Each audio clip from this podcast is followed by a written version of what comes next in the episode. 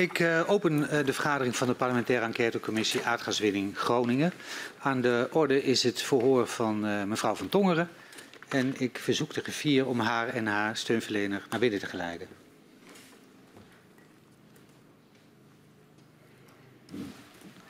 Welkom, mevrouw van Tongeren en ook mevrouw Posma, hier in aanwezigheid van de parlementaire enquêtecommissie aardgaswinning Groningen.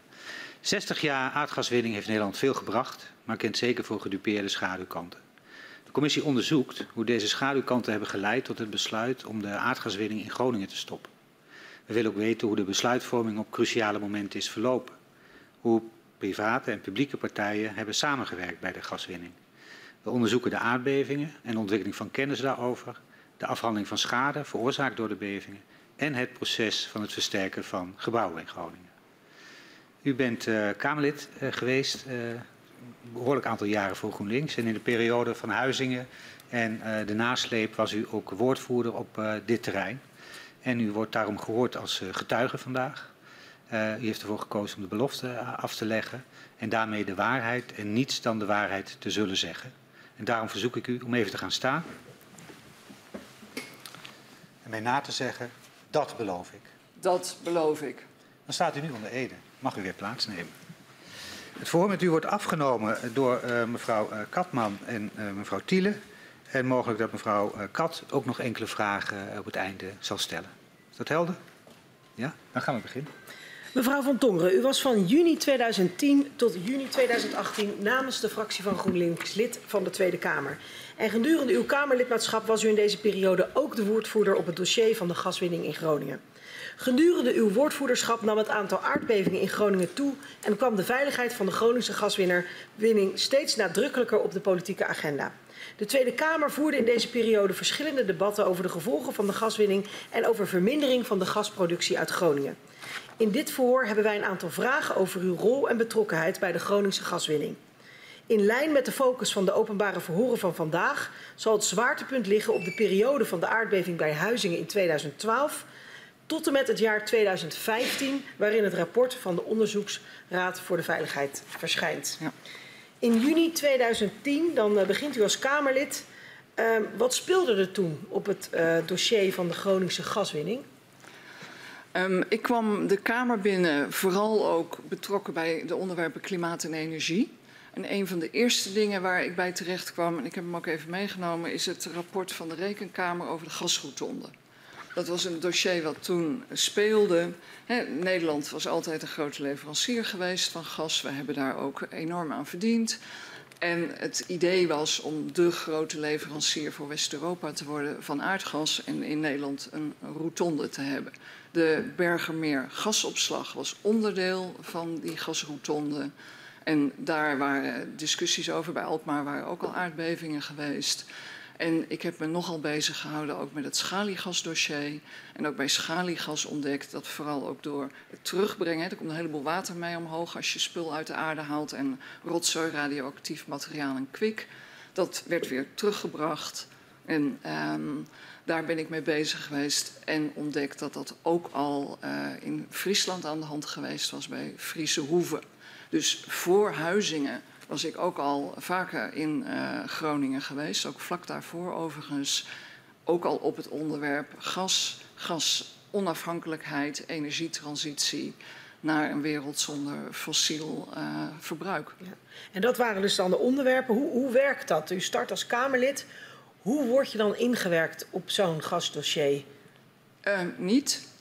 Ik ben dat zelf gaan doen. Ik vind dat nog steeds een van de grote nadelen van de Tweede Kamer. Als je dat vergelijkt met andere parlementen, in, uh, zeker in Europa, hoe weinig ondersteuning er is voor individuele Kamerleden. In 2010 hadden we nog een fractie van tien mensen.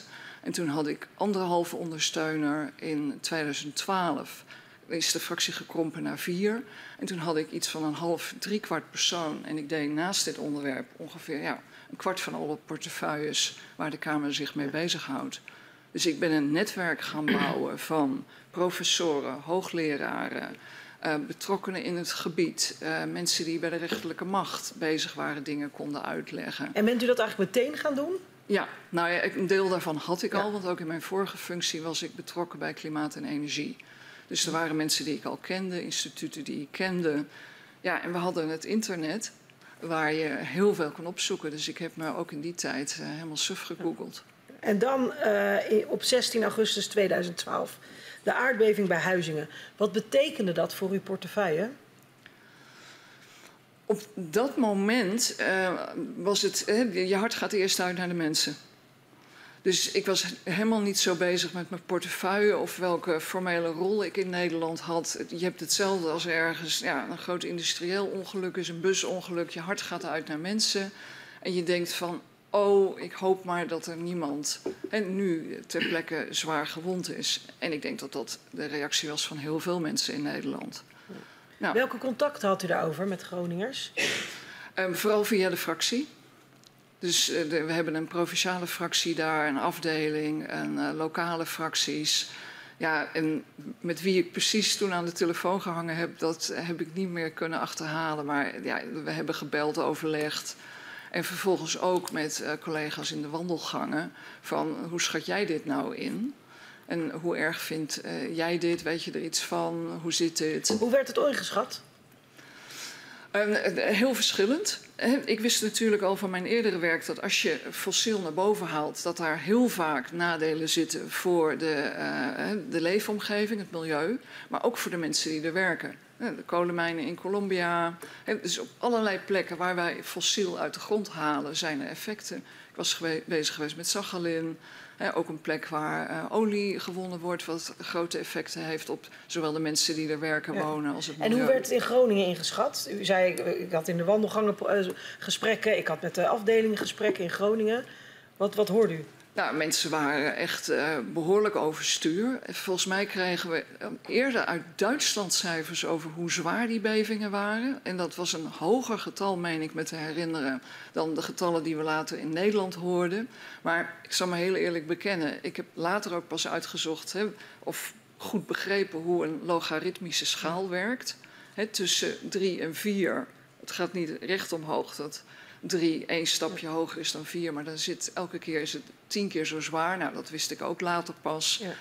Maar het werd in ieder geval wel ingeschat als het. Er was gewoon. U, u hoorde veel. Um... Het was echt een heel groot ding in ja. mijn werkomgeving. En wat heeft u toen concreet Kamer. gedaan aan dat grote ding? Ik heb uh, veel gebeld, gekeken wat we zouden kunnen doen. Nou, en ja, ik heb als voorbereiding voor dit gesprek uh, ge ook gegoogeld. Ik sta in ongeveer duizend verschillende uh, bijdragen in de Tweede Kamer. Schriftelijke ja. vragen, moties. Nee, klopt, daar komen we ook zo nog okay. op. Ik wil even met u naar dat moment, dus na de aardbeving in Huizingen. Dus u gaat gelijk uh, uw netwerk aanzetten eigenlijk. Uh, en mijn vraag was van, wat heeft u toen eigenlijk concreet gedaan? Wat, wat als, het, het is ook een beetje de vraag van mensen ja. volgen dit, dit debat. Zijn heel erg benieuwd naar hoe, hoe, uh, of dit debat, dit verhoor. Uh, zijn heel benieuwd naar hoe, um, uh, hoe het in de Kamer is verlopen. Dus vooral een inkijkje van hoe gaat zo'n onderwerp dan. U bent Kamerlid, u bent ja. dossier-eigenaar. Wat kunt u dan voor stappen zetten? Um, we hebben volgens mij vrij vlot schriftelijke vragen gesteld. We hebben een hoorzitting aangevraagd. Ik ben op eigen initiatief naar Groningen gegaan. We zijn bezig geweest met het organiseren van een werkbezoek. We zijn toen ook, hebben we, en ik denk dat misschien was dat net iets later in de periode, bezig geweest van kunnen we een formele hoorzitting doen van de Tweede Kamer in het gebied. Want die afstand tussen stad en land was mij al lang bekend. Dat idee van we reizen af naar het hoge noorden. Nou, als je ergens eh, mensen in Groningen de kast op wil jagen, dan moet je dat soort dingen zeggen. Van hen werd steeds verwacht dat zij naar de Tweede Kamer kwamen. Dus dat hebben we geprobeerd. Um, informatie gevraagd, rondgebeld, gedaan. Er zit een, een, een, enorme scheiding. Dus je kon ambtenaren van de ministeries kan je niet bevragen.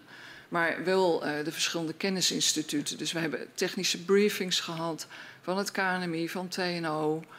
En in de loop der jaren heeft zich dat patroon natuurlijk heel vaak herhaald. Ja. En heeft u het idee uh, dat de Tweede Kamer toen adequaat heeft gereageerd op de in Huizingen? Als je terugkijkt, wil je natuurlijk altijd dat je meer gedaan hebt. Hè? Ik heb dat in de Kamer ook gezegd. Ik vind een van de dingen. Ik heb als Kamerlid, maar ook samen met de hele Kamer, hebben wij in dit dossier gefaald. Ik heb gefaald. We hebben niet op tijd voldoende uh, verandering teweeg kunnen brengen als hoogste orgaan in onze democratische rechtsstaat. Maar dat is terugkijken op dat moment zelf. Had ik wel het idee van, nou, we trekken alles uit de kast wat we als uh, Kamerleden hebben. En dit zou je toch met een paar jaar hè, recht moeten kunnen breien. We zijn toen ook bezig geweest met Jan Vos, was dat volgens mij, om een ombudsman te krijgen in Groningen. Nou, dat kon om allerlei redenen niet, dus dat is toen een raadsheer geworden. Um, we zijn toen bezig geweest, ik dacht naïef nog, nou, als je er 4, 500 miljoen, 4, 5 miljoen tegenaan gooit, dan moet je toch een heleboel van de problemen op kunnen lossen. Dus we hebben toen ook een commissie bijzondere noden via uh, de Kamer voor elkaar gekregen. Dus op dat moment dachten we dat de respons nog redelijk adequaat was. We gaan naar eh, januari 2013. Dan stuurt minister Kamp, met naar aanleiding van de beving bij Huizingen, een brief aan de Kamer. En toezichthouder, staatstoezicht op de mijnen adviseert dan om de gaswinning zo snel en zoveel als mogelijk en realistisch uh, terug te brengen. Maar de minister wil daar toen nog niet besluiten. Hij besluit eerst nader onderzoek te gaan doen en er worden uiteindelijk 14 onderzoeken uitgezet. Wat vond u van dat besluit? Ja, ik vond dat uh, bijna niet te geloven. Dat dat op dat moment besloten werd op die gronden. Mhm. Dus ook daar, uh, dat is die befaamde motie van volg je toezichthouder. Je hebt niet voor niets in een democratische rechtsstaat -huh. een toezichthouder neergezet. Die geeft een heel dringend advies. En uh, vervolgens is de reactie van we gaan eerst een jaar studeren. Ja, en u zei, hè, ik kon het eigenlijk niet geloven, op, op die gronden. Welke gronden bedoelt u dan? Nou, de gronden waren, um, ik ga pas het voorzorgsprincipe toepassen als ik voldoende weet waarop ik dat moet baseren. Ik heb ja, de beide um, verhoren van uh, de heer Dijsselbloem en de heer Kamp teruggeluisterd. En ja, daar zie je dat die overtuiging daar nog steeds is dat je pas in zou kunnen grijpen in die gaswinning als je onderzoek hebt die zegt van precies hoeveel en wanneer en waarom en bij welke cluster. En ik was van de stellige overtuiging dat het voorzorgsprincipe hebben wij ook in allemaal verdragen vastgelegd. Hebben we allemaal vragen over gesteld. Het verdrag van Aarhus onder andere.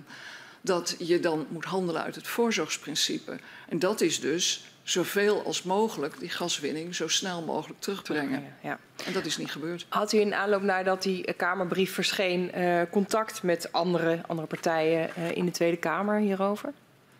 Uh, er was uh, in alle tijden vrij veel vooroverleg, maar in die periode heb ik alleen steun gekregen van Partij voor de Dieren. Maar u zegt er was eigenlijk altijd wel vooroverleg. Hoe, kunt u dat beschrijven hoe dat dan ging? Dat is in toenemende mate uh, meer. Vaak was het mijn collega Stintje van Veldhoven die dat initieerde. Mm -hmm. En zij zat politiek een beetje in het midden, dus die kon van alle kanten mensen bij elkaar krijgen. En wij waren daar, uh, vond ik in elk geval, een stuk minder bezig van wie krijgt de motie op zijn naam. Mm -hmm. Maar gewoon wie is het meeste bij welk onderwerp betrokken geweest en kunnen we dat steunen. Ja. Maar dat was in die tijd nog niet zo georganiseerd. Hè? Dat is in het was later gekomen, jaren... zegt u. Ja. ja. Oké. Okay. En in de aanloop naar die brief van minister Kamp, heeft u contact gehad met minister Kamp zelf? Niet uh, buiten, in de aanloop naar die brief niet buiten de formele vergaderingen om. Nee. nee. Uh, er komt ook een debat uh, in februari 2013 over dat besluit van minister Kamp. En dan dient u samen met uw partijgenoot uh, Klaver een motie in om met, en dan citeer ik even, het ja. SODM-advies onverkort op te volgen en direct stappen te zetten tot het verminderen van de gasproductie uit het Groningse aardgasveld met 40 procent.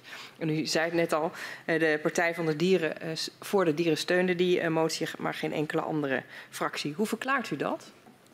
Nou ja, ik heb in die periode ook in een uitzending van Buitenhof gezeten. En toen uh, ja, werd er toch, nou ja, ik zeg het maar in mijn eigen woorden, op mij gereageerd. Vandaar heb je het vrolijke bloemenmeisje. Die wil dat iedereen van elkaar houdt en dat we op de dam op het gras dansen. Dus volstrekt onrealistisch uh, om zoiets te eisen. Iedereen die een beetje nadenkt, weet toch dat dat niet zou kunnen. Dus ik ben toen wel in, uh, ja, in de hoek gezet van um, vrij absurde eis om zoiets uh, te willen.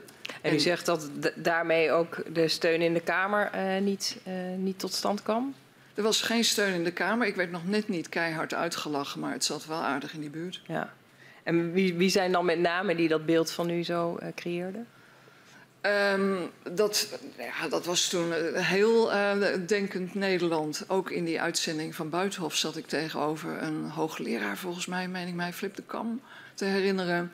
En dat was echt nou ja, een beetje van uh, meisje, meisje toch. He, goed bedoeld, lieve intentie. Jij wil de Groningers helpen, je bent daar veel geweest. Mm -hmm. En je wil dat gevaar wegnemen, maar Al die andere overwegingen die ook eh, door andere mensen tijdens deze parlementaire enquête te berde zijn gebracht, neem je niet in ogenschouw. En het klopt, hè. op dat moment wist ik ook niet dat op het ministerie al notities waren dat uh, de, de gasverkoop inderdaad naar beneden kon. Mm. Um, u heeft in die tijd, u noemde het volgens mij zelf ook al, uh, veel moties en amendementen ingediend, een stuk of negentig.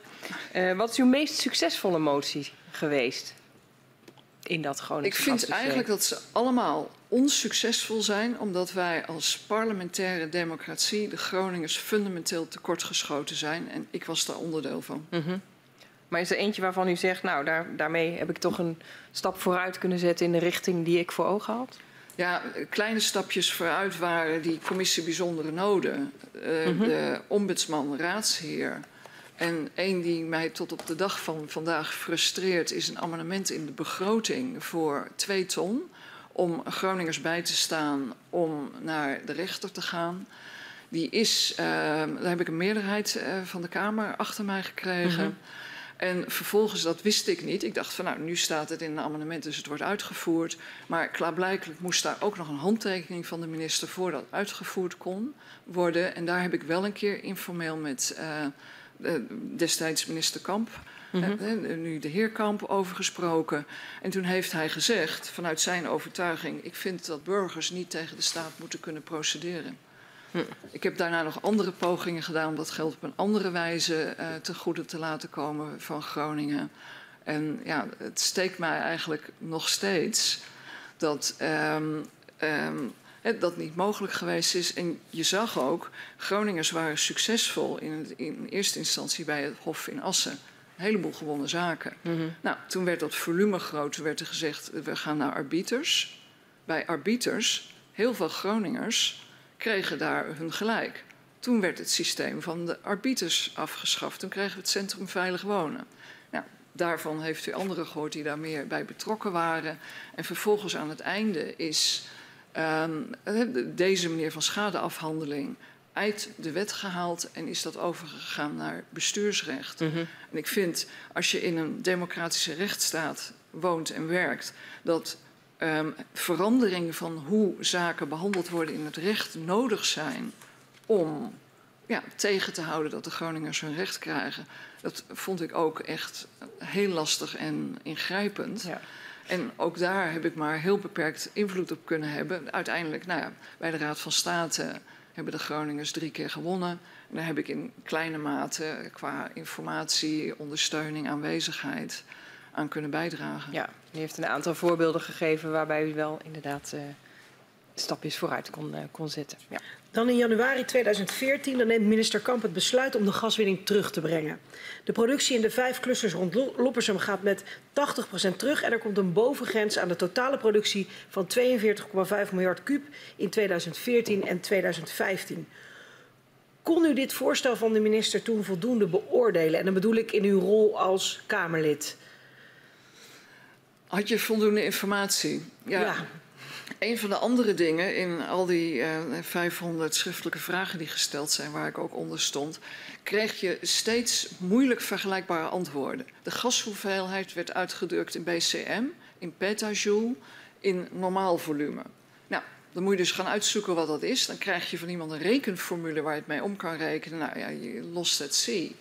Hetzelfde, hè, we hebben een normaal jaar van januari tot januari. Een heleboel werd daarin gerapporteerd. Op een gegeven moment wordt het gasjaar verschoven. Dus dan kan je ook de jaren niet meer vergelijken. Hetzelfde met de aardbevingen. Wij kregen eerst overzichten waar ze gewoon allemaal op stonden. Toen werd er om een of andere reden bedacht dat aardbevingen onder de anderhalf niet meer meetelden. Nou, als je tien keer zachtjes aan fundering schudt, heeft het net zoveel effect, hebben deskundigen mij effect, als één keer hard kregen we die informatie weer anders. Dus het was onwaarschijnlijk ingewikkeld voor de Kamerleden om een greep te krijgen op uh, de geleverde informatie. Omdat die steeds op een andere wijze en met een andere normering. Nou, toen hadden we de, aardbevingen en de schaal van Richter begrepen we inmiddels een beetje. Toen gingen we over op grondversnelling. Nou, dus je had eigenlijk ja, een soort amateurstudie, uh, hoe heet dat, geologie?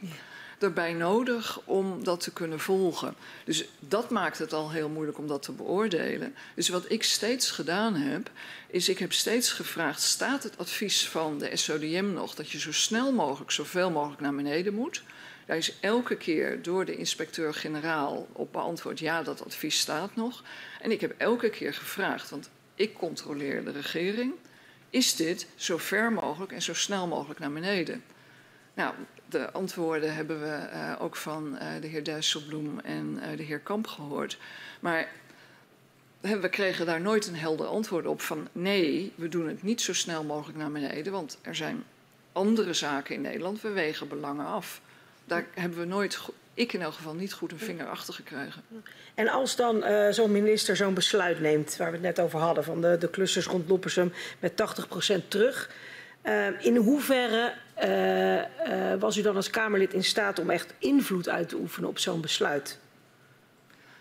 Ik ben van tevoren, in, tegen die tijd was ik regelmatig in Groningen en ik kreeg van allerlei mensen allerlei soorten informatie. Dus ik heb toen ook gevraagd, volgens mij aan mensen die bij de NAM gewerkt hadden in technische functies. En ik denk ook aan de SODM, waarom kan die niet gewoon helemaal dicht? Want dat was dat waakvlam-idee, stel dat we het plotseling nodig hebben. Nou, ik vond 80% vrij veel voor een waakvlam.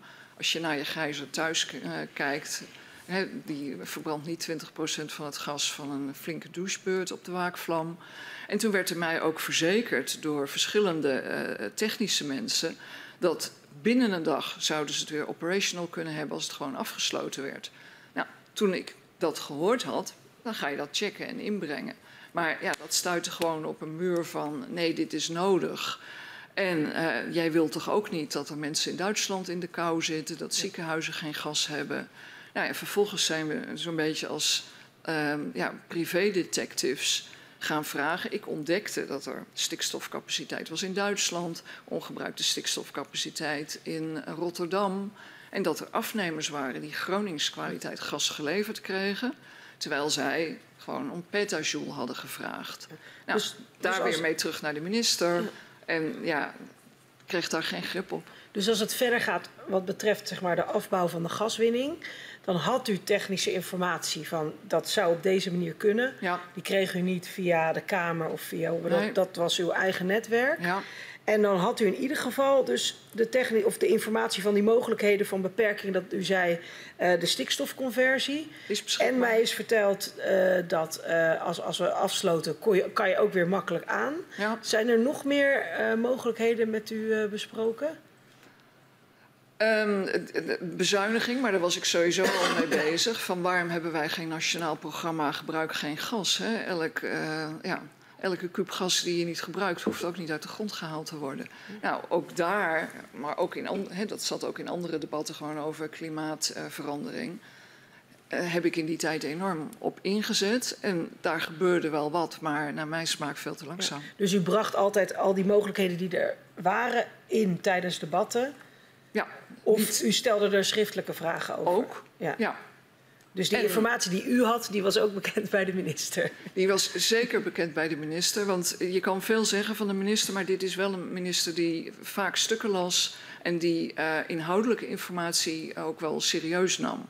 Maar ja, je, je stuitte steeds op een soort nou ja, betonnen muur met uh, de antwoorden. En ik geloof ook dat uh, Kamp daarvan overtuigd was dat het echt niet kon, omdat er anders problemen zouden komen met uh, ja, mensen die in Duitsland in de kou zouden zitten. Nou ja, met wat ik nu weet, denk ik van. De, de Kamer had meer informatie kunnen en moeten krijgen. En de minister had dat moeten kunnen en moeten weten. En dan gedurende 2013 en begin 2014 wordt ook duidelijk dat in het jaar 2013 een recordhoeveelheid ja. aan gas uh, is gewonnen. Welke informatie ontving u hierover op dat moment? Nou ja, ik sloeg eerst helemaal stijl achterover. Dan- Wanneer was dat moment van stel achteroverslaan? Want wanneer hoorde u het? Kunt u dat nog herinneren? Pas in de officiële rapportage. En die naar de? Kamer kwam. Ja, die- ik heb zelfs de digitale eh, agenda van de Ja. Kamer niet meer. Dat weet ik echt niet. Maar u kunt dat ongetwijfeld terugvinden toen het eerste schrijven kwam waarin dat vermeld werd. Ik heb dat van tevoren niet onofficieel gehoord. En eh, later heb ik wel gehoord dat er ergens in een voetnoot van een brief dat plafond stond. Hè? Ja. Dat Shell en Exxon een, plafo- een plafond hadden van 10 jaar. Maar Ja. dat wist ik. eh, In, toen in een jaarverslag van EBN? Dat, Ja, op bladzijde 29 in de voetnoot. Ja, maar dat zijn geen rapporten die Kamerleden tot zich nemen op die manier. Het zijn rapporten die Kamerleden, als ze erop gewezen worden door eh, iemand die wel weet dat het daar staat. eh, zo heb ik bijvoorbeeld ontdekt dat de mensen bij Gasterra bonussen kregen als zij meer eh, gas verkochten. Daar ben ik door iemand op gewezen. Toen ben ik gaan zoeken. Dan kan je het vinden. En toen heb ik daar schriftelijke vragen over gesteld. Dus naar aanleiding van andere onderwerpen ga je dan wel zoeken. Ja. Maar het is niet de normale gang van... dat is qua hoeveelheid niet te cheffen. Nee, om eh, te gaan zoeken. En dan moet je het echt goed lezen met achtergrondkennis. Om alle jaarverslagen van al die organen door te nemen. Om te kijken, zit hier iets in wat misschien iets betekent. En dan is het ook zo dat, dat eh, in dat jaar, ehm, eh, in mei, bij de stukken van de voorjaarsnota, en nu moet ik het altijd weer goed zeggen, de suppletoire begroting, daar stonden hoge gasbaten ook in vermeld. Is, is dat dan een manier hoe Tweede Kamerleden hadden kunnen weten eh, dat die gaswinning zo hoog was? En zeker, als jij een staf had gehad van tien medewerkers, had ik dat geweten op dat moment. Maar die ene halve medewerker die mij ondersteunde, ik had ook veiligheid en justitie en economie en nou ja, een heleboel andere onderwerpen. Die had ook niet de tijd om de hele supplementaire begroting eh, door te vlooien. En u zei net van, ik stond eh, nou ja, stijf achterover toen ik het via de officiële eh, eh, schrijven eigenlijk tot mij eh, kreeg. Hoe, wat is dan uw volgende reactie? Ja, je gaat onmiddellijk denken van eh, hoe kan je hier iets aan doen?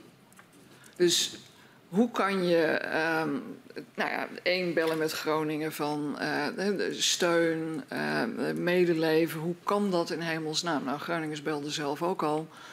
En vervolgens, hoe, de Tweede Kamer ja, is het hoogste orgaan, dus hoe roep je de regering ter verantwoording van leggen jullie eens uit hoe jullie bedacht hebben dat je, terwijl je toezichthouder, die je er zelf voor aangesteld hebt, zegt zo snel mogelijk, zoveel mogelijk naar beneden, ga je in zo'n jaar ook nog omhoog. Hoe kan dat? Nou, dan krijg je dus van eerst, het was een hele koude winter. Dat bleek dus eh, gemiddeld eh, niet zo te zijn. Vervolgens contractuele verplichtingen. Wij hebben gevraagd, mogen wij die contracten dan zien? Die mochten we niet zien, want dat was bedrijfsgevoelig. Mogen we die vertrouwelijk inkijken? Dat ging ook niet. Ehm, hoe zit het met de hoeveelheden? Nou, dan krijg je een heleboel ja, wisselende getallen en dingen van wat er waar nodig zou zijn. En ik ben er in dat jaar, denk ik pas, aan het eind van het jaar achtergekomen dat contracten die langjarig afgesloten waren, eigenlijk alleen voor buitenlands gebruik waren. En dat voor binnenlands gebruik er geen langjarige contracten waren. En ook dat er eh, flinke hoeveelheden gas aangeboden werden op de spotmarkt. Maar dat is mij officieel nooit uitgelegd en toegelicht. En daar moet je ja, zelfstandig achter zien te komen met behulp van deskundige mensen uit Groningen en een heleboel gegoogel. Dus als wij aan het buitenland moeten leveren en we hebben binnenlands geen contracten en je doet de gaswinning naar beneden, dan is het voor het binnenland lastiger. Maar dat argument heb ik in geen enkele bijdrage van de regering gehoord van, ja, oeps, sorry, foutje. We zijn vergeten contracten af te sluiten voor Nederland. Die zijn er wel voor het buitenland. Gaan we nou heel ver naar beneden, dan heeft het buitenland wel gas, maar wij niet. Nou, die heb ik niet gehoord. Maar ik had dus ook verwacht dat op dat moment, dat kan je één jaar overkomen, maar daarna ging ik ervan uit, hadden alle Nederlandse instellingen en bedrijven ook langjarige contracten. Maar dat gebeurde ook niet. We maken een klein eh, sprongetje in de tijd eh, naar 2015, want dan verschijnt er een kritisch rapport van de eh, Onderzoeksraad voor Veiligheid over de Groningse gaswinning. En u heeft een motie ingediend waarin de regering wordt opgeroepen om alle aanbevelingen over te nemen. En die motie wordt kamerbreed aangenomen. Eh, Maar dat geldt ook voor een nagenoeg ja, identieke motie van eh, collega Jan Vos van de toenmalige coalitiepartij eh, PvdA. Wat was de reden dat er twee moties werden ingediend? Het kan ik me, de- de- de- ja, er werden wel. hoeveel moties heb ik ingediend in die hele periode? Ik, maar dan, ik ga nu gokken, dat moet ik niet doen. Ik sta onder Ede, ik moet alleen de waarheid spreken. Ik weet niet exact waarom er twee waren. Ik weet ook niet uit mijn hoofd of de teksten exact hetzelfde zijn. Nou, ze zijn niet precies hetzelfde, maar ze Er zit wel- geen wel materieel heel groot, tussen. eh, eh, hetzelfde. Ja, precies. Ja. Nou ja, sommige hele belangrijke dingen kan je niet vaak genoeg zeggen, denk ik dan maar. Maar ik weet het echt niet meer hoe dat eh, gebeurd is. En ik ben blij dat kamerbreed gezegd werd. Hè, ons nou ja, onafhankelijk onderzoeksorgaan heeft gezegd dat. ehm, ja, wat zij gezegd hebben over de gaswinning en dat wij zeggen al die aanbevelingen moeten overgenomen worden en uitgevoerd. Want Ja, ja, we waren toen alweer eh, drie jaar na Huizingen. ja. En van een land als het onze, hè, een van de rijkste landen ter wereld, met een stevige democratische rechtsstaat, verwacht je dat zo'n groot gebeuren als de Groningse gaswinning, dat na een jaar of vijf Groningers ongeveer op hetzelfde veiligheidsniveau, niveau van welvaart, niveau van levensvreugde zitten als gemiddeld andere Nederlanders. Was nog steeds niet het geval. Ja, en u zei al eh, uitgevoerd. In hoeverre kon u nou eh, eh, ja, zien, merken dat uw motie ook werd uitgevoerd? Daar hebben we ook steeds vragen over gesteld. Eén die wel uitgevoerd is. Er werd gevraagd om royaal excuses aan te bieden. Mhm. Dat heeft minister Kamp toen in de Kamer gedaan. En vervolgens in een hoorzitting moest ik nog wel wat op aandringen. Heeft ook eh Marjan van Loon van de Shell haar excuses aangeboden. Hoewel toen niet duidelijk was waar zij dan precies, als ze terugkeek, spijt van had. Mhm. Maar in elk geval wel excuses aangeboden. Ja, en die tw- twee elementen vond u belangrijk in ieder geval bij de uitvoering van uw Dat motie. vond de OVV heel belangrijk. Die hebben gezegd: wil je ooit dat vertrouwen tussen Mhm. eh, deze Groningse mensen, die ja, toch ook een heleboel hun leven verwoest is. Die echt, ehm, want er wordt wel eens gezegd: het ging in het Westen, het zijn alleen die scheuren. Maar de dijken moesten daar allemaal versterkt worden. Als we een dijkdoorbraak hadden gehad, het Eemskanaal, dat is daar versterkt. De industrie in de Eemshaven, daar zitten een heleboel BRZO-bedrijven. Ehm, De meest gevaarlijke bedrijven die we kennen. Als daar flink aan geschud wordt, kan je allerlei andere soorten rampen en ellende krijgen. En het is niet alleen dat er iemand een, een cosmetische scheur in zijn plamuur in zijn woonkamer heeft. Bent u op de hoogte of alle aanbevelingen van het OVV toen zijn uitgevoerd?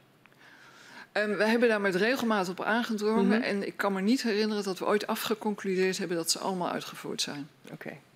Er zat in ieder geval geen aanbeveling over het eh, terugbrengen van de gaswinning eh, in die aanbevelingen van de onderzoeksraad. Maar eh, daar dient u wel verschillende moties over in en andere collega's ook. Maar er is geen meerderheid te vinden voor die motie. Wat is de reden dat de Tweede Kamer niet eensgezind was in dat onderdeel? Terugbrengen van de gaswinning, ja, dat was vanaf het begin natuurlijk al een, strijdpunt. Het was de discussie tussen hè, het, eh, het, het verdienen van een inkomen voor Nederland. Want via EBN, het staatsbedrijf, heeft Nederland ontzettend veel verdiend aan de gas- en oliewinning. Daar heb ik onder Maxime Verhagen al initiatief genomen om EBN een ander verdienmodel te geven. Ga nou geld verdienen aan aardwarmte. en ga eh, verdienen aan wind op zee. En dan kan je aan de ene kant afbouwen en aan de andere kant opbouwen. Het leek mij nog steeds een hele voor de hand liggende manoeuvre... die wat mij betreft nog steeds uitgevoerd zou kunnen worden. Ja, toch, toch krijgt u geen e- e- eensgezinde eh, steun vanuit de Tweede Kamer. Kunt u dat verklaren? Wat nou, in die dat tijd... probeer ik hier dus uit te verklaren. Dat er verschillend gewogen werd wat het risico en een, een, een normaal eh, goed geleefd leven van de Groningers versus inkomsten. En dat werd in de Kamer eh, verschillend gewogen. Verschillend gewogen, ja. Uiteindelijk moest de Raad van State eraan eh, te pas komen tot drie keer toe om die plafonds steeds naar beneden toe bij te zetten. ja. Maar dat betekent dus dat we gelukkig wel, zij het veel te laat, een corrigerend mechanisme hebben in onze democratische rechtsstaat. De onderzoeksraad eh, beveelt wel ook aan om de onafhankelijkheid van de staatstoezicht op de mijnen ten opzichte van het ministerie en de sector ook te Ja. verstevigen. En uh, daar dient u een, ook een motie over in, uh, in maart 2015. Uh, maar die krijgt geen steun van de regeringsfracties. Een maand later, in april 2015, dient u opnieuw een motie daarover in. Maar dan samen met Kamerlid Jan Vos, uh, PvdA-Kamerlid, dus ook wel van de regeringsfractie. Hoe lukt het u om alsnog steun te krijgen voor die richting? Ja, mijn karakter kenmerkt zich waarschijnlijk tot een uh, licht verbeten vasthoudendheid. Die mensen soms waarderen en soms niet. Dus je, je zoekt uh, naar verschillende argumenten om te kijken van... vind je dit nou ook niet? Ik heb destijds met Diederik Samson um, het voor elkaar gekregen... om de toezichthouder op onze kerncentrales onafhankelijker gepositioneerd te krijgen. Om precies diezelfde reden. Mm -hmm. En dat hebben we hier ook geprobeerd ten eerste versterken. Dus dat er voldoende kennis bij de toezichthouder is. En dat de toezichthouder ook voldoende instrumenten heeft om in te grijpen. En dat ja, het helpt niet heel veel als jouw toezichthouder eigenlijk een van jouw medewerkende diensten is. Dan is het heel lastig voor die toezichthouder om ja, tegen het ministerie te zeggen van nou, um, ja, ik neem hier een maatregel. Dus u zegt dat met name op basis van die inhoudelijke overwegingen het ja. lukte om PvdA mee te krijgen, ook uh, als mede-ondertekenaar van die uh, motie. Ja, en dan vervolgens, hè, de GroenLinks heeft uh, vier stemmen, dan moet je dan nog 72 meekrijgen in de Kamer. Dus dat betekent heel veel overleg, heel veel gesprekken, heel veel vooroverlegjes. En uh, nou, hulde aan iedereen die toen toch besloten heeft om dat te steunen. Om achter u te staan. In de oorspronkelijke motie uh, staat als een van de opties om het uh, SODM onder te brengen bij een ander ministerie. en die gewijzigde motie die u met Jan Vos indient, daar is die optie uit weggelaten. Weet u hoe dat is gegaan?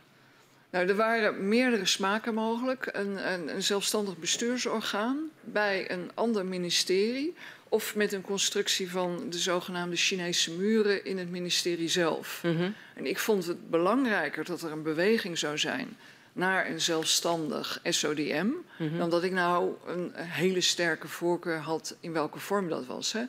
Voldoende uh, middelen en menskracht, voldoende manieren om in te grijpen ja. en voldoende onafhankelijk. Dat wilde ik. Dus elke stap die kant op helpt. Ja, en die criteria waren voldoende voor u inderdaad om dan dat hele specifieke niet uh, op, expliciet op te nemen. Vind ik nog steeds beter. Maar als ja. je daar geen meerderheid voor krijgt, dan uh, zeg je van dit is wat nu de meerderheid van de Kamer wel kan steunen. Ja. En een uh, enorme stap de goede kant op. Bent u tevreden over hoe die motie uiteindelijk is uitgevoerd? Ja, als ik nu kijk als uh, wethouder in Den Haag, waar wij druk bezig zijn om meer geothermie uh, uh, ter beschikking te krijgen, ook in de stad, merk ik dat Theodor Kokkelkorn van nu. De, de inspecteur-generaal der mijnen, ja. Ontzettende grote inzet vertoont, maar dat het, mijn inschatting, aan menskracht nog steeds ontbreekt, waardoor de wachttermijnen om een vergunning te krijgen voor geothermie oplopen. Dus wat onafhankelijker en uh, wat beter geoutilleerd. Maar dat zou wat mij betreft uh, nog wel een paar scheppen bovenop kunnen. U bent nog niet helemaal tevreden hoor ik. Nee. Pas als uh, de, hè, Er gaan ook heel veel tuinders over. Die willen over op aardwarmte. en die moeten heel lang wachten voordat ze daarmee aan de slag kunnen. Nou, als die toezichthouder die de vergunningen afgeeft meer ruimte heeft... en meer mensen die dat deskundig kunnen dan kunnen we voor Nederland op een veilige manier meer van de warmte uit onze eigen ondergrond gebruiken. In plaats van dat we energie uit Rusland of uit Saudi-Arabië moeten halen. Helder. Dan willen we uh, op hoofdlijnen met u stilstaan bij de schadeafhandeling en de versterking van huizen en gebouwen in Groningen. Hoe heeft u de manier waarop schade is afgehandeld in uw periode ervaren? Ja, uh, ik weet nog heel goed een eerste keer dat wij naar een huis gingen. En toen mochten we bij de mensen binnen. En dan stond je in de kinderkamer, in de slaapkamer. En dan keek je zo onder de muur, over de vloer door naar buiten. En mensen die lieten zien van, eh, gisteren kon mijn voordeur nog dicht en nu kan dat niet. En dan vervolgens hoorde je, en ik chargeer niet, dat daar gezegd werd, dit komt door mollen. Dit komt door eh, F-16's die door de geluidsbarrière gaan. Dit komt omdat uw tienerdochters thuis veel met de deuren slaan. Mensen vertelden dan dat ze geen kinderen hadden. En uh, ik heb het ja, eigenlijk als een. Er zullen een heleboel mensen met de beste, laat ik daarmee beginnen, met de beste intentie geprobeerd hebben dingen netjes af te handelen. Maar als je terugkijkt, zeker in die beginperiode, wat daar gebeurde, vind ik het eigenlijk ja, op een mensonterend niveau dat wij als rijk land dat niet beter voor elkaar krijgen. En welke rol heeft u als Kamerlid kunnen spelen op dit terrein? Um, aanhoren, aanmoedigen, helpen, uh, proberen organisaties zoals Stut en Steun, wat daar was in Groningen, uh, te helpen met. Nou, wat uh, kunnen we aan de minister vragen? Helpt het als er een beetje geld bij komt? Um, en we zijn toen ook, en daar was Jan Vos ook bij betrokken, met die commissie Bijzondere Noden. Want je kreeg dan, als, als u mij één verhaal toestaat. Ja, wel, ik had het over hoofdlijnen, hè, maar één ja, kort, één daarom, kort verhaal. check ja. ik even. Ja. Dit was een oudere mevrouw. Haar man was overleden. Ze hadden een grote boerderij in het buitengebied. Die boerderij um, had nog geen aardbevingsschade. Zij wilde niet meer in haar eentje in die boerderij wonen. Had een huisje gekocht in de stad Groningen. Het huis was, er zat een voorlopig koopcontract op, was nog niet verkocht. Toen kwam er een forse beving, schade op die boerderij. De koper trok zich terug. Dus nu had zij een boerderij die eigenlijk niet te verkopen was. Zij had een hypotheek op een nieuw huis in de stad die zij niet kon betalen. Ze was technisch failliet. En zij wilde eigenlijk gewoon dood. Zij werd niet geholpen. Ze paste nergens in een regeling, want ze was op papier rijk. Hè, ze had bezit. Dat nieuwe huis en ook nog die oude boerderij. En die paste nergens in. Nou, en ja, als ik er te veel over Wat heeft u als Kamerlid ook... kunnen betekenen? Um, wat ik later gehoord heb, um, hadden mensen er al heel veel aan dat er überhaupt iemand uit het Westen. Ja. En ook voor deze casus bedoel ik ook. Ja, ja, nou, bij deze casus ga je bij iedereen leuren van doe iets. Doe een donatie. Ik ben ook gewoon particulieren langs geweest. Is het niet mogelijk om? Ik ben naar de, de Rijksuniversiteit geweest en gevraagd... willen jullie geen rechtszaken voeren? Dat doen ze in Amerika bij hele ingewikkelde gevallen, gewoon als oefening voor de rechtenstudenten, om zo'n zaak op te pakken. Ik ben naar makelaars geweest, is er niet de mogelijkheid om. En uiteindelijk hebben we dus die commissie bijzondere noden voor elkaar gekregen. Ja. Vond u de Kamer in totaal effectief op, op dit dossier, op die schadeafhandeling? Ja, ik heb daar al gezegd dat ik vind dat ik daar als Kamerlid in gefaald heb als onderdeel van de Tweede Kamer en dat wij niet voldoende voor elkaar gekregen hebben voor de mensen in Groningen. Eh, wat betreft die schade. Ik, zie dat als. Ik heb dat ook op de spreekgestoeld in de Tweede Kamer gezet. Ik zie dat als een van mijn grote falen in die periode. Het is mij niet gelukt. En in ieder geval heeft u wel in deze casus, dus was zo'n fonds bijzondere noden die u net schetste, ongelooflijk belangrijk. Uh, heeft u meer kunnen bereiken uh, als Kamerlid in de Tweede Kamer voor de schadeafhandeling? Um, ik heb volgens mij ook, maar de, de, de, lijst van moties is daar een motie voorgesteld dat die schadeafhandeling op een gegeven moment bij de NAM weggehaald moest worden omdat in de wet moet een bedrijf die schade veroorzaakt, moet zorgen voor de vergoeding. Nou, de, NAM is, is uh, ingericht om gaten in de grond te boren en gas en olie op te, of uh, gas op te pompen. Is niet een bedrijf wat op een echt mensvriendelijke wijze schade kan afhandelen. Dus het leek mij een ernstig goed idee om dat op afstand te zetten van de NAM. Dat werd het Centrum Veilig Wonen. In eerste instantie dacht ik van nou, wellicht gaat dat wat helpen om naar mensen toe te gaan, dossiers te bespreken, te versnellen en het soepeler te maken. Nou ja, helaas uh, bewijst de geschiedenis dat, dat die hoop van mij toen wat naïef was. En dat is het Centrum Veilig Wonen. Wellicht voor een deel van de gewone casussen best wel gelukt, maar er bleven te veel uh, mensen over in situaties waar het Centrum Veilig Wonen niet een adequate oplossing Hoe gaf. Hoe kwam u in contact met die mensen, met zeg maar de betrokken Groningers?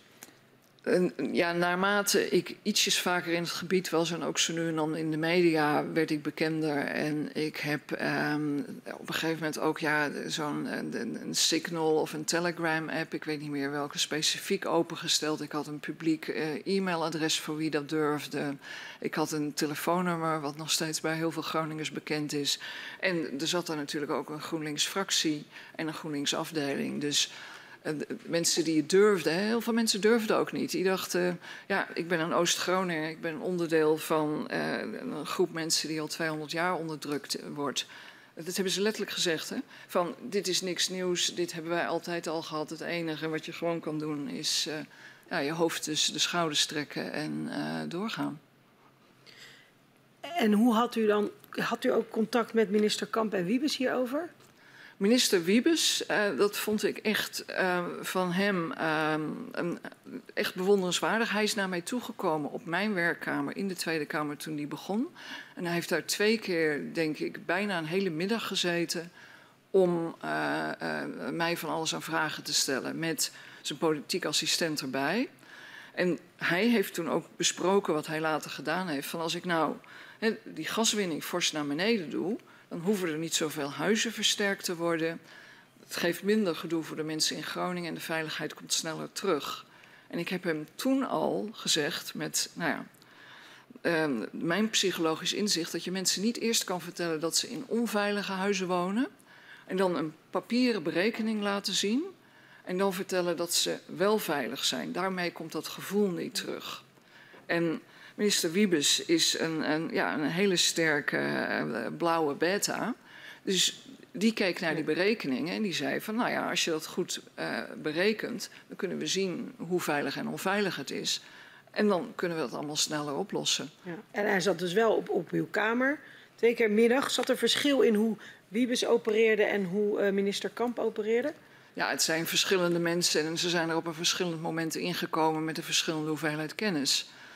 Ik ga ervan uit dat toen minister Kamp begon, hij er uh, ja, net zo bitter weinig vanaf wist als heel veel mensen toen uh, op de ministeries en in de Kamer. Toen minister Wiebes startte, was er natuurlijk al veel meer uh, ja, de, bekend geworden, en weer opgehaald. Nou ja, een van de, de, dingen die ik ook pas veel later gelezen heb, het stond onder andere in dat arrest van de Hoge Raad van 19 juli 2019, dat in 2005 de staat al had kunnen en had moeten weten dat uh, gaswinning uh, risico's heeft op grote schade. Ja. Nou, dat heb ik natuurlijk ook pas veel later, die, al die onderzoeken uit 98, 99 ik wist alleen van bevingen bij Bergenmeer en bij Alkmaar. Ja, en ik had even met u over ja. de contacten met de ministers Kamp en uh, Ja, dus dat wisten zij ook niet. Ja, wat, wat, ik, wat ik daarover wilde weten eigenlijk is, is... denkt u dat informeel contact effectiever is geweest dan de formele Kamerdebatten? Uh, ik denk dat beide uh, heel effectief zijn uh, op de goede wijze. Maar vooral wat ons in de weg zat was die harde scheiding tussen... Wat wij in de gemeente Den Haag wel hebben, is dat je contact kan hebben met ambtenaren. En dan moet je dat wel formeel vragen, maar dan krijg je die informatie. En dat mocht absoluut niet. Ik had heel graag eerder bijvoorbeeld Jan de Jong gesproken. Ik had heel graag eerder Dirks gesproken. Al was het alleen maar om te begrijpen hoe het zat. Nou, en door die harde scheiding was dat niet mogelijk. En u, dus, u zei, uh, u zei net al, um, had u het over dat u met Wiebe sprak over eigenlijk het helemaal dichtdraaien van de gaskraan en wat dat zou doen ja. um, uh, met de versterkingsopgave. En u zei dat werkt psychologisch niet zo. Nee. Je kan mensen niet vertellen, uw huis is veilig en dan vervolgens, oh toch wel. Uh, was dit de wijze waarop u betrokken was bij dat besluit van Wiebes? Um, hij heeft mij uh, van daarvoor niet meer uh, geraadpleegd. Hè. Ik ben een, ja, een redelijk nietsbetekenend Kamerlid van uh, een oppositiepartij. Dus die worden echt niet geraadpleegd op belangrijke besluiten die op een ministerie genomen worden. Dus u had daar gewoon een gesprek over en toen hij is, is later dat besluit gevallen? Ja, ja, is hij langsgekomen en hij heeft mij echt, zoals u mij nu ook, hè, allerlei vragen gesteld. Hoe zat dit, hoe zat dat, wanneer wist je dat, wat vind je hiervan? Um, uh, ook welke mensen moet ik spreken? Wat weten die lui bij TNO? Nou, uh, we gaan naar René Peters. Wat weten ze bij het KNMI? Zitten ze er ook heel goed in? Ik had ook welke hoogleraren. Nou, ja. wat ik had, heb ik met hem gedeeld. Ja. En wat ik wist en wie ik kende. Ja, en uiteindelijk drukt hij dan toch op de pauzeknop. Um, uh, dus de, de versterking um, ligt dan stil. Was u betrokken bij dat besluit? Van tevoren absoluut niet, want dan had ik geadviseerd wat ik na de hand ook gezegd heb. Je kan niet de versterkingsoperatie in remmen en zeggen de gaswinning stopt in, nou wat was het, 2030. Dus die twee gaan wat mij betreft niet samen op. Je moet mensen eerst weer hun veiligheid teruggeven, hun normale leven teruggeven voordat je, voordat je dat kan doen. Nou, dat heb ik ook in verschillende toonaarden eh, betoogd in de Tweede Kamer. En steeds ook weer dat advies van Jan de Jong. doen we nou, eh, remmen we net zoveel af als we maximaal kunnen en doen we dat zo snel mogelijk? Ja, was dat eigenlijk voor u meteen duidelijk? Um, want de twee besluiten worden na elkaar genomen. U had eerder wel er kort over gesproken. Maar toen het besluit werd aangekondigd van we gaan naar nul, was u bij u ook gelijk duidelijk dat dat iets zou betekenen voor de versterkingsopgave of niet? Jazeker, want ja. er waren toen natuurlijk al heel veel sommen gemaakt. Hè? Iets van, wat is het, 400.000 uh, inwoners in heel Groningen, 200.000 woningen. Als je die wil versterken, plus alle gebouwen. Hè? Want je had natuurlijk ook nou ja, de universiteiten. Er zitten daar, ik heb er meerdere van mogen zien, iets van 100 mooie gotische oude kerkjes op allerlei plekken. Heel veel monumentaal erfgoed. Wil je dat allemaal gaan versterken? Nou ja, ik heb daar bedragen van gezien van nou ja, astronomisch tot nog astronomischer wat dat zou kosten. En eh, dan weet je gewoon dat er gekeken wordt van hoe kunnen wij die uh, kosten nog een beetje in de klauwen houden ten opzichte van wat er verder allemaal ja, in het land aan de hand is en waar de staat ook financieel uh, aan wil bijdragen. Ja, mevrouw Kat heeft nog een vraag. Ja, um, één vraag. Uh, u verklaarde getipt te zijn over het bonusbeleid bij, ja. bij Gasterra. En toen ging u op onderzoek uit. Um, en toen heeft u daar Kamervragen over gesteld. Correct. En die antwoorden kwamen. Wat vond u daarvan? ja, hoe druk ik dat netjes uit? Ik was uh, nogal verbaasd dat dat bonusbeleid niet onmiddellijk in elk geval met uh, de grote beving in Huizingen afgeschaft was. Maar er was op dat moment ook volgens mij nog steeds een uitwisselingsprogramma met Shell-medewerkers en medewerkers van de ministeries die op elkaars plekken werkten, zodat je elkaars werk beter leerde kennen. Nou, dat is een uitvloeisel van die hele maatschap. Begrijp ik naar de Tweede Wereldoorlog. Je bouwt Nederland op, je werkt innig samen. Maar op allerlei andere terreinen zijn dit soort constructies ontvlochten. En alleen hier niet. En dit is er een uitvloeisel van. Zoveel mogelijk gas verkopen is goed voor de staat Nederland. Hè, was het devies na de, de gaswinst. En daar is nooit kritisch naar gekeken. Past dat nog bij deze tijd? Hebben we gehoord van klimaatverandering? Dus hoe kan je aan de ene kant een programma hebben om gasverbruik te verminderen en proberen de klimaatverandering CO2-uitstoot in te dammen? En aan de andere kant mensen in banen extra geld te beloven als ze extra veel gas verkopen. Ja. ja. Heeft u uh, de minister daar nog persoonlijk over gesproken, na de hand? Nee, maar ik, ik, ja, ik hecht ook wel redelijk aan formele rollen. Dus ik ga dan niet meer achter een minister aanlopen van wat ik net zei in de Kamer, meen ik echt. En uh, hoe, slaapt u s'nachts nu? Je zit daar in een, in, in een formele rol om voor heel Nederland uh, het volk te vertegenwoordigen. En dat heb ik geprobeerd naar eer en geweten te doen. En vooral ook in de Kamer. En uh, ja, de informele contacten heb ik vooral gehad eh, met de mensen in Groningen, maar ook Drenthe en Friesland. En uiteindelijk ook Overijssel met ja. het uh, dumpen van afvalwater daar. Om die stem van Nederlanders buiten de Randstad goed door te laten klinken in Den Haag. Dank u wel. We zijn eh, in dit voor met eh, een aantal best grote stappen langs een paar best belangrijke momenten in het eh, gaswinningsdossier gegaan. En ik heb nog een paar vragen die terugblikken. U heeft er al een aantal woorden aan gewijd, maar ik ga het toch nog een keertje vragen. Hè. Dus hoe, hoe, kijkt u terug op wat u als Kamerlid heeft kunnen bereiken op dit dossier? Nou, eigenlijk met verdriet. Mm -hmm. Ja, ik word er ook wel emotioneel van. Ik vind gewoon dat wij een hele groep mensen in ons land onterecht uh, ja, hun levens hebben verwoest. En daar te lang niks aan hebben gedaan om dat te herstellen. En nog steeds. Mm -hmm. wat, wat had uh, in uw ogen de, uh, de Tweede Kamer uh, daar voor rol in, in, moeten nemen? De Tweede Kamer had um, um, een motie, en of dat dan de mijne is of van iemand anders, aan moeten nemen op het uh, moment na Huizingen dat we dat debat hadden, dat die gaswinning zo snel mogelijk, zo ver mogelijk naar beneden moest. Zoals ook de toezichthouder had geadviseerd. Mm -hmm. dan neem je het systeem serieus. Er gebeurt iets ergs. Toezichthouder zegt: doe iets. Kamer zegt: doe iets. De regering gaat dat doen. En dan vervolgens daarna zo snel mogelijk afbouwen. En hè, we hebben dat woord ruimhartig, kan je bijna niet meer uit je mond krijgen.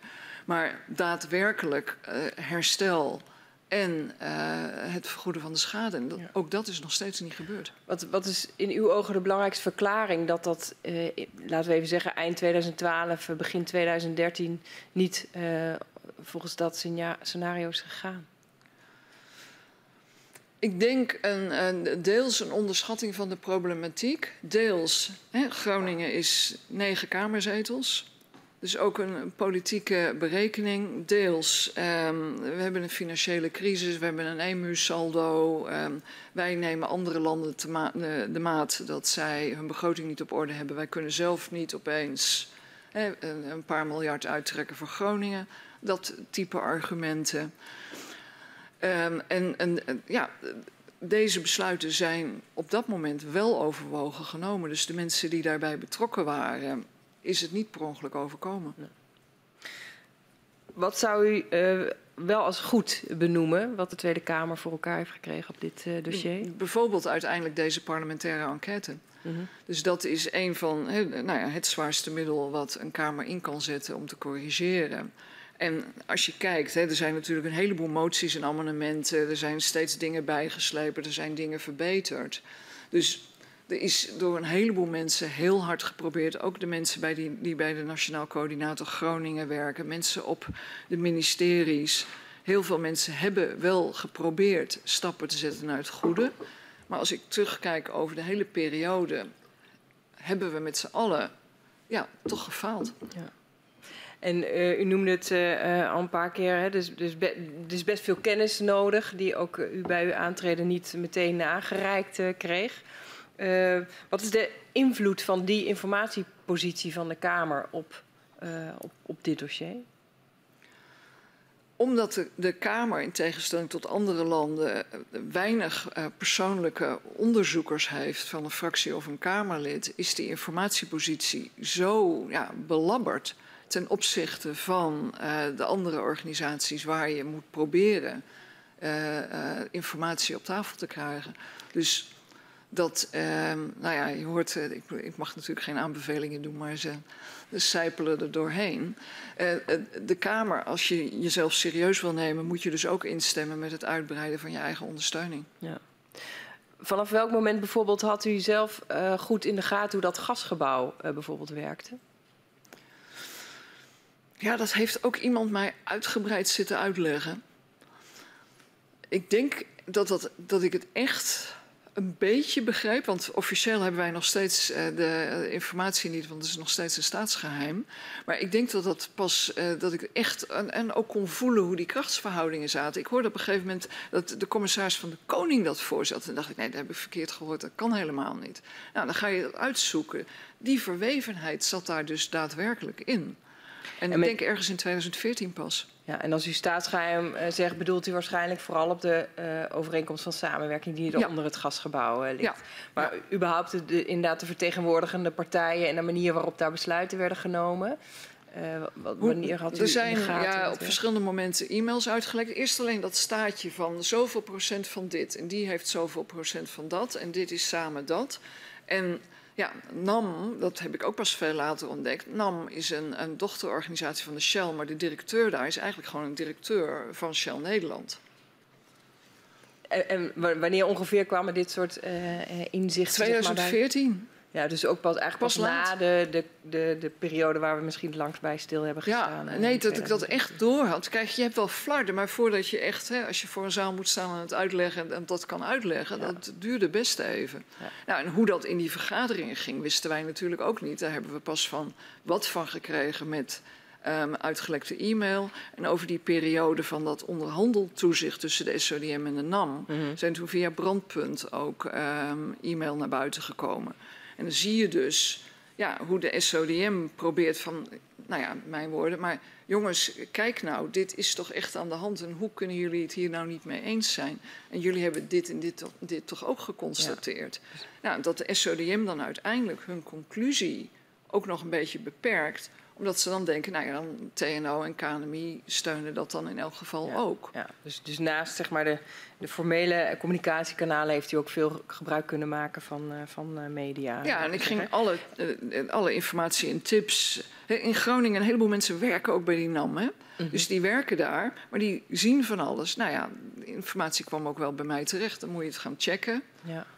Ja. Klopt dit? Uh, hoe zit dit? Kan ik er überhaupt iets mee? Hebben we er wat aan? Betekent dit iets? Ja, u noemde straks volgens mij het woord uh, privédetective. Uh, ja. Als, ja.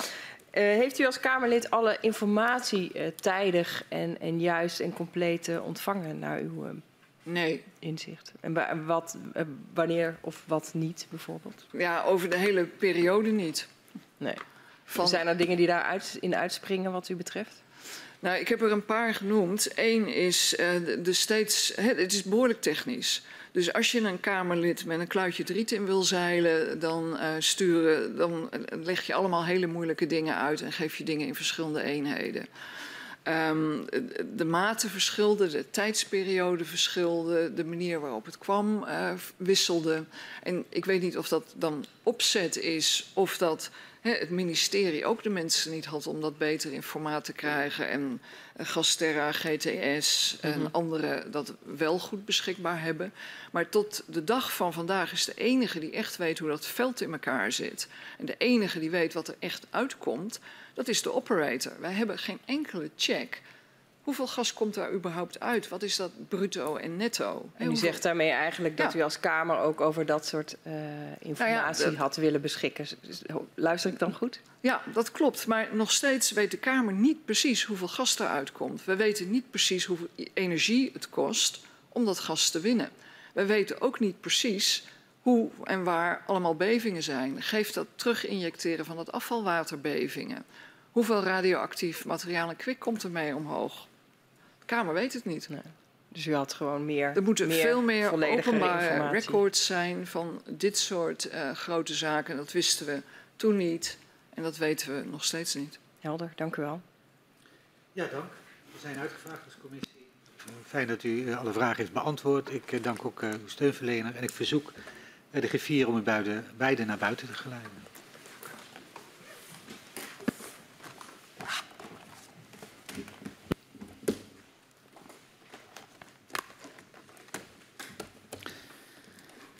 Ik ga de vergadering sluiten nadat ik heb gemeld dat wij om uh, drie uur verder gaan uh, met een ander Kamerlid, de heer Vos. Ik sluit de vergadering.